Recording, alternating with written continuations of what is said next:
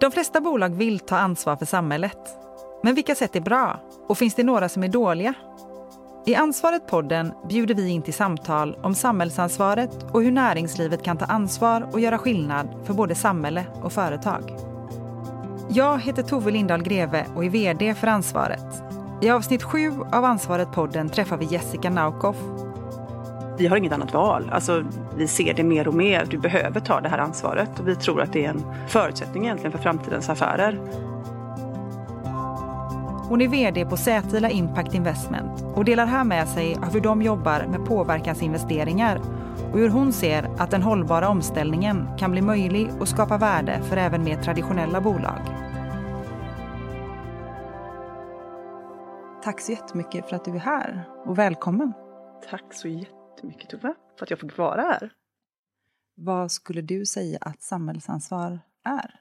Ja, men alltså totalt sett så har ju alla som lever i ett samhälle ett ansvar för det samhälle man lever och kanske i första hand är det enklast att ta det ansvaret närmast en själv, där man är. Men sen så är det också att man har lite olika grad av inflytande och makt i samhället, vilket också då gör att eh, konsekvenserna av det ansvaret man tar eller inte tar blir ju större utefter vilken makt eller inflytande man har. Eh, och jag jobbar ju inom näringslivet och eh, ser ju hur samhällsintresset för verksamheter har blivit större. För 15 år sedan så såg man kanske att det var någonting som skedde vid sidan av sin verksamhet. Eh, idag förstår man att man är också en del av samhället med sin näringsverksamhet. Och det får ju också konsekvenser mer och mer i form av att det finns en regelefterlevnad som gör att du måste ta ett större ansvar kring samhället också. Och jag brukar säga att det är ungefär som ett hotellrum då. Att när jag föddes så fanns det ett hotellrum och det var väl liksom, det var lite nedskitat men bara under min uppväxt och nu är jag då 42 år gammal, så har det hänt väldigt mycket. Idag är det rätt sketet. Det är inte så många som vill ta in och checka in på det här hotellrummet. Och min uppgift i det här samhället det är ju att försöka lämna det hotellrummet, försöka göra det lite bättre för kommande generationer. Men de som är unga idag, de kommer få ta upp liksom de grova eh, sop eh, och städredskapen för att göra rent efter mig och de eh, tidigare eh, generationerna före mig.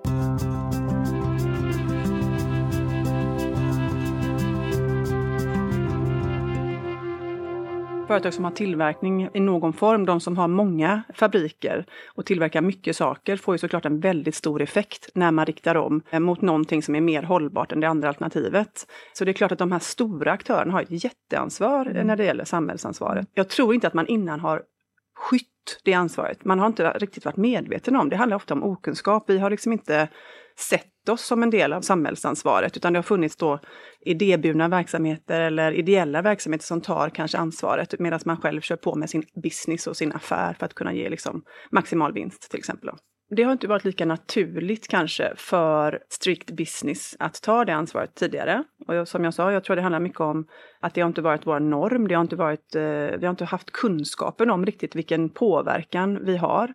Men nu kommer såklart det in som en naturlig del i sina affärsplaner. Kanske inte affärsidé alltid, för den, den måste ju också stuvas om för att kunna vara liksom, hållbar in i framtiden. Däremot så ju större bolag du har och ju större historik du har, desto svårare är det att liksom vända skutan eller liksom så. Så det kommer kräva väldigt mycket tid, tror jag, att göra det. Agenda 2030 hjälper ju kanske ibland företag att om de har gjort ett bra grundarbete eller en bra analys på vad de kan tillföra och vilka värderingar de har med sig eller liksom kunna damma av det de redan står för och göra handling av det. Men det kan ju hjälpa dem att konkretisera arbetet framåt. Sen tror jag då, eh, nu har jag ju förmånen att jobba med många liksom mindre startup-företag.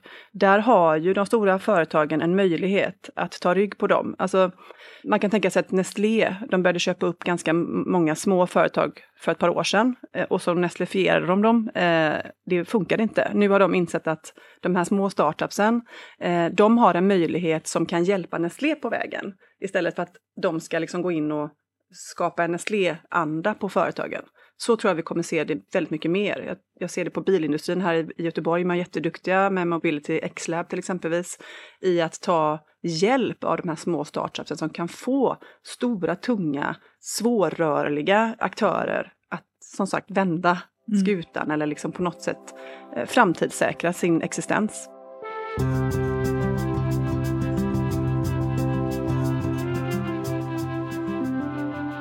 Och apropå det här med olika stakeholders så hör jag ibland från de mer progressiva bolagen som vill göra mycket mm. att de ser det offentligas primära roll som en skapare av förutsättningar genom lagstiftning, kravställning, genom att förändra strukturellt.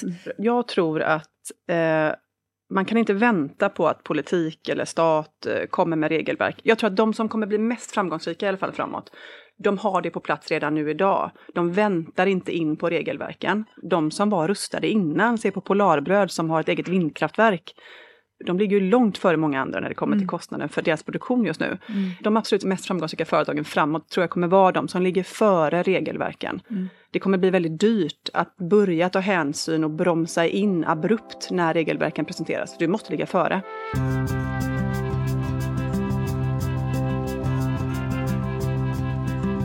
Är vd på Settler Impact Investment som är ett företag som jobbar med påverkansinvesteringar. Impactinvesteringar, det hör man ju i namnet att det är det vi jobbar med, men jag tycker ett bättre ord för att förklara det vi gör är påverkansinvesteringar. Vi vill med våra investeringar påverka världen till någonting bättre och det kan vara med fokus på eh, klimat eller sociala frågor. Sen ska de ju såklart gå hand i hand då egentligen. Och med det sagt så är det då ingen filantropisk verksamhet vi håller på med. Men däremot kanske det finns en filantropisk idé om varför man startade upp bolaget. Sen jobbar vi med strikta affärsprinciper, så vi vill kunna se avkastning på de investeringarna vi gör. Och då menar vi en social och klimatmässig hållbar avkastning jämsides en human finansiell avkastning. Så jag vill såklart kunna påverka fler att göra den här typen av investeringar och därför vill jag kunna visa att de är lönsamma, för det är oftast det som är enklast i den finansiella världen att kunna visa att du får positiv effekt på samhället men du får också en god eller human finansiell avkastning. Mm. Och eh, hur, hur, konkret går det till då för de som inte är insatta när ni hittar och går in i bolag? Mm. Kan du beskriva den processen lite? Eh, ja, men man kan väl se det lite som att vi vänder på en pyramid då. Eh, vi börjar med att titta på vad är det för problem du ska lösa? Hur kapabel eller rustad är du för att lösa, just du då som entreprenör och din verksamhet och ditt team, eh, kapabel att lösa det problemet? Hur angeläget är det? Alltså hur bråttom har vi att lösa problemet? Och vilken möjlighet har du att få det att bli en, en stor skala? Eh, du kan göra en väldigt positiv liten effekt, men den får liksom ingen spiraleffekt om inte du kan skala verksamheten. Så det är grunden. Sen så skapar vi, kan man säga, som ett sista lager, att liksom säkerställa att den finansiella affären går ihop. Och det hör ju också ihop med den här skalbarheten, att du kan liksom inte skala en affär om du inte har en hållbarhet kring ekonomin i det. Så att det är ju en förutsättning och vi tror att det är kanske det som gör att du kan få skalbarheten mycket tydligare när det finns en affärslösning i botten som är stark helt enkelt. Mm. Sen försöker vi också se till att den här affärsidén automatiskt bidrar till positiva effekter inte någonting som du har adderat. Det är liksom ingen CSR-plan du har, utan du har en affärsidé som i sig gör mm. hållbarheten. Så du kan inte i tider av kris ta bort de sakerna och fortsätta din affär. Det är core business. Precis, det är mm. liksom det är den drivkraften som bolaget och bolagets existens lever på. Det, mm. det är den avkastning som mm. det också ger, både då eh, socialt, klimatmässigt och finansiellt. Det är ju för oss ett sätt att framtidssäkra att bolaget ska överleva. Vi har inget annat val. Vi ser det mer och mer. Så att hade jag sagt det här för tre år sedan så hade man kanske blivit betraktad som någon slags mussliflicka som eh, ja, trodde på uh, overkliga saker. Men idag mm. ser vi ju att du behöver ta det här ansvaret och vi mm. tror att det är en förutsättning egentligen för framtidens affärer. Mm. Du beskriver här att det har hänt någonting i den blicken vi har på de här slags bolagen, de här slags idéerna. Är det någonting som många i näringslivet idag börjar landa i? Eller hur ser du? Alltså så här, viljan har nog alltid funnits. Jag tror inte att några företag har startat för att göra världen sämre. Vi kan ta liksom, oljeindustrin som har hjälpt oss jättemycket i den utvecklingen vi var. Men nu idag är det liksom en modell som kanske inte är hållbar in i framtiden. Så man måste se över hur man går från det här linjära till någonting som är mer i någon typ av spiralform i alla fall, eller, eller cirkularitet. Då. Så att jag tror att viljan har alltid funnits. Nu kommer förståelsen av hur viktigt det är för sin egna överlevnad egentligen. Stora bolag återigen har ju svårare att göra den här liksom nynavigeringen än vad de här bolagen som jag träffar som har startats på grund av det. Mm. Så jag tror att ju trögare du inser att din affärsmodell är att styra om till det cirkulära eller spiralekonomi om man vill kalla det det, desto kanske svårare är det att inse hur viktigt det är. Alltså att man liksom mm. kanske håller sig kvar. Det är ju väldigt svårt. Det är ju som att gå ifrån ett, ett affärsben till ett annat. Samtidigt så måste mm. du, du kan ju inte bara skrota det du har idag, du måste på något sätt kunna mm. förvalta det mm. successivt in i någonting nytt. Och mm. det, det är ju jätteutmanande. Ja, samtidigt som jag kan se i de bolagen jag jobbar med nu att när man får insikten om vad det kan innebära i form av affärsstrategiska fördelar. Lite längre bort givetvis, mm. att vi kanske inte kan skörda det med samma liksom kvartalsmässiga logik som vi har jobbat med tidigare. Men du sa förut att det är ett insiktsarbete och en kunskapsarbete. Mm. Ehm, jag delar verkligen det. Att när jag då som framförallt jobbar då med hur man kan ta ansvar genom socialt engagemang och i viss mån sociala investeringar. Koppla det till vilken utdelning man kan få på strategiska utmaningar mm. i form av att attrahera och behålla kompetens eller kunder ja. eller investerare mm. eller eh, till och med leverantörer ser vi ju nu börjar bli ja, mer och mer petiga med vem de kan tänka sig att leverera till. Mm. Så när man tittar på det ur ett sånt affärskritiskt perspektiv, att ska vi finnas om 10 eller 20 år så behöver vi göra den här omställningen. Mm. Då kan även större aktörer som inte alls har det i sin grundaffärsmodell börja tänka på ett mm. annat sätt. Men som du säger, det krävs ett arbete och det är i jättestor utsträckning ett insikts och ja, men en pedagogisk uppgift mm. att komma dit. För viljan, som du säger, att göra så bra man kan mm. Finns generellt. Ja men precis, det är ingen motvilja i detta. Nej. Alla förstår och, mm. och, vet och vill göra detta. Det är ju, mm. Alla vill kunna vara stolta över det företaget de ja. representerar, vare sig de är grundare eller medarbetare eller kund ja. eller leverantör. Så mm. med det sagt så finns det ju en jättepotential. Jag ser ju positivt på förändringen. Sen måste den kanske gå lite snabbare. Mm. Eh, idag tror jag att det är någonstans att man har kommit över en biljard amerikanska dollar i impactinvesteringar men vi mm. behöver växla det liksom till 2-3 för att kunna mm. nå målen eh, Agenda 2030. Mm. Så att vi har ju lite bråttom. Jag tror vi kan ta rygg på många små innovativa startups som har det här som sin core business, att mm. leverera på mm. mer aspekter än det som bara är finansiellt helt enkelt. Ja.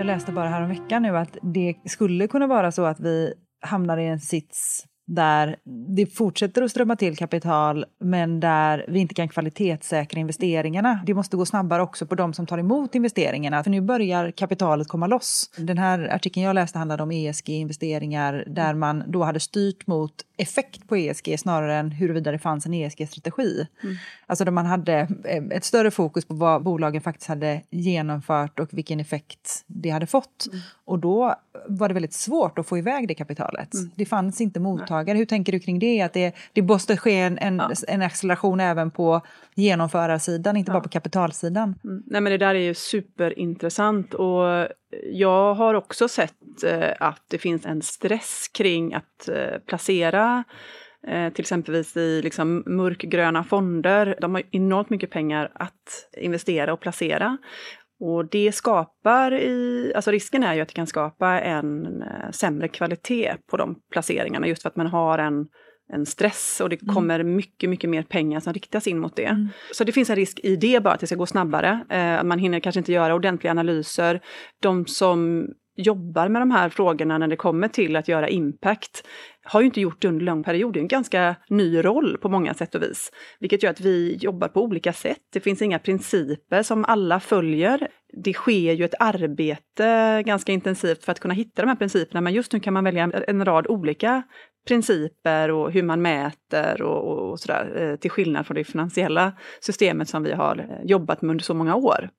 Så bara det bidrar ju till en viss risk i eh, hur man gör bedömningen. Nu menar jag inte att man har en sämre eller bättre uppsåt i sina placeringar, men i just det att vi inte har en och samma metod för att kunna göra den här typen av investeringar skapar ju en, en osäkerhet och risk för kvalitet, mm. helt enkelt.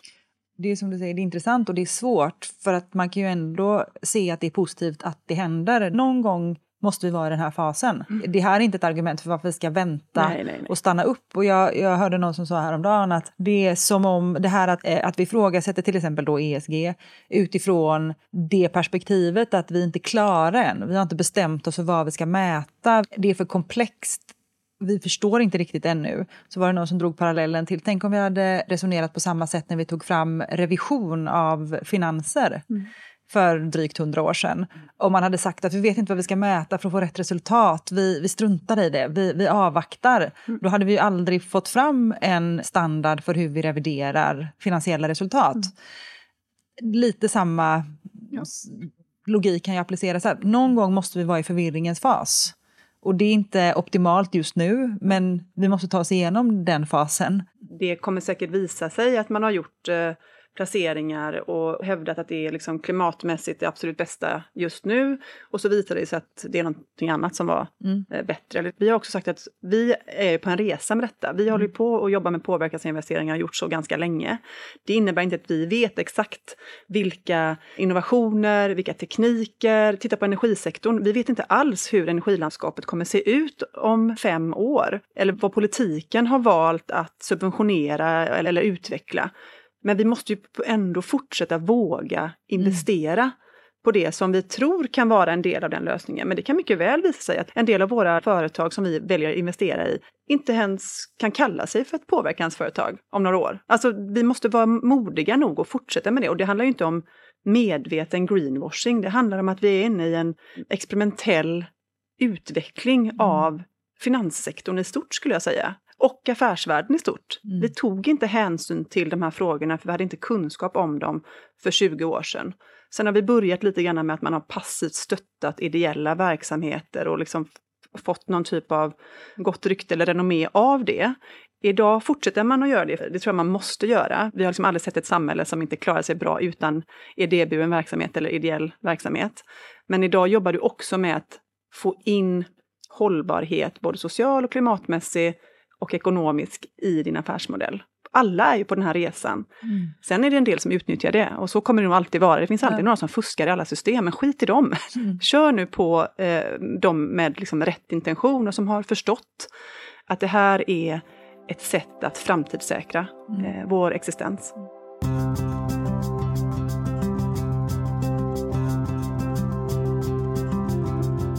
Sociala företag har ju kanske historiskt sett oftare haft en icke vinstdriven företagsform, eh, stiftelse eller ideell förening eller på något sätt. Det tror jag vi kommer se mycket mer, alltså vi kommer se mycket mer kommersiella verksamheter mm. med en social agenda i sin affärsmodell. Mm.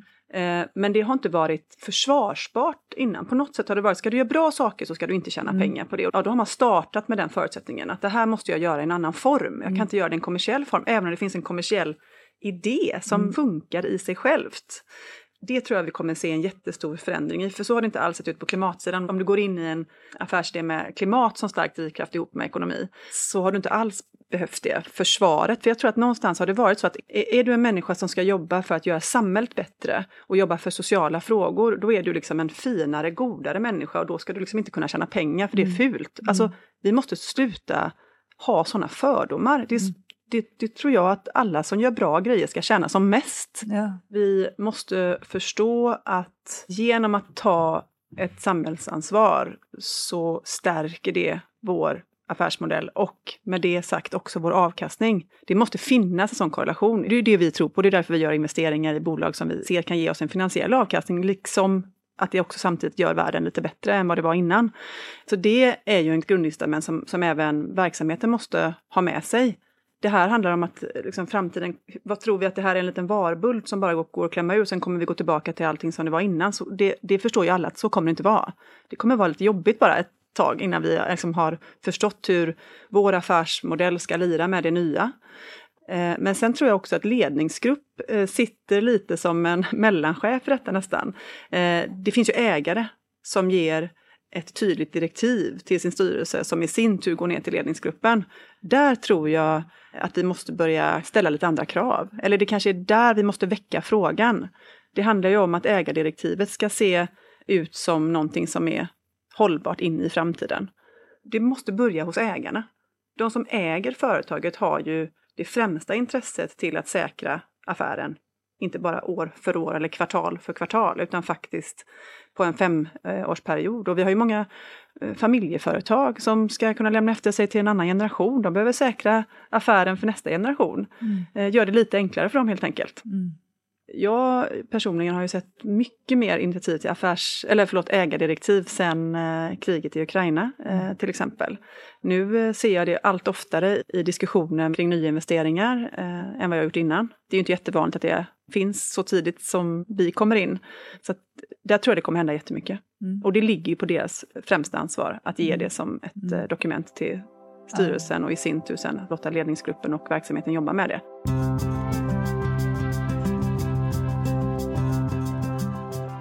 Ja, och sen kan man ta hjälp av sin organisation. Jag tänker på många som har många anställda. Där ligger det massvis med värderingar och viljor kring vad är det vi ska göra först. Mm. Eh, för många producerande företag har ju stora utmaningar, både när det gäller liksom klimat, resurser, eh, socialt, arbetsvillkor, vilka regioner de verkar på. Så det är inte så att det finns lite att göra, det finns jättemycket att göra. Mm. Eh, och någonstans måste du börja. Använd dig då av de leverantörer och kunder och anställda som du har för att kunna mm. få fram vad är den viktigaste essensen mm. eh, och, vilka, och vad får då samtidigt en stor konsekvens i positiv riktning på vår affärsmodell. De som har det allra svårast, alltså stora etablerade företag som inte idag automatiskt levererar på sociala eller klimatmässiga parametrar, de kommer ha det väldigt tufft. Samtidigt så måste vi också vara modiga nog och verkligen ge oss hän och hjälpa de här företagen på rätt spår in i framtiden. För att om man tittar på skalbarhet så har ju vi investerat i företag som har en potential mm. att nå en stor skalbarhet och med det också en effekt. Men de stora redan etablerade företagen som har stora affärer. Mm. Det är ju den impacten som, som är kanske viktigast för att mm. nå målen 2030. Så man ska liksom inte fördöma verksamheter. Man måste komma ihåg att verksamheter har inte startats av ett ont uppsåt. Det finns säkert de som utnyttjar eh, system, men låt oss inte hänga upp oss på de som fuskar och bygga systemet efter det, utan utgå ifrån att folk vill kunna gå ifrån jobbet, vare sig du är ägare, grundare eller anställd, och känna att du bidrar till någonting positivt i samhällskontraktet. Så många spännande insikter och tankar. Tusen tack för att du kom hit idag. Tack, alltså, tack så jättemycket Tove och att du sätter ljuset på de här frågorna är så viktigt. Jag ser mycket fram emot att lyssna på de andra intervjupersonerna som du har. Tusen tack Jessica. Tack.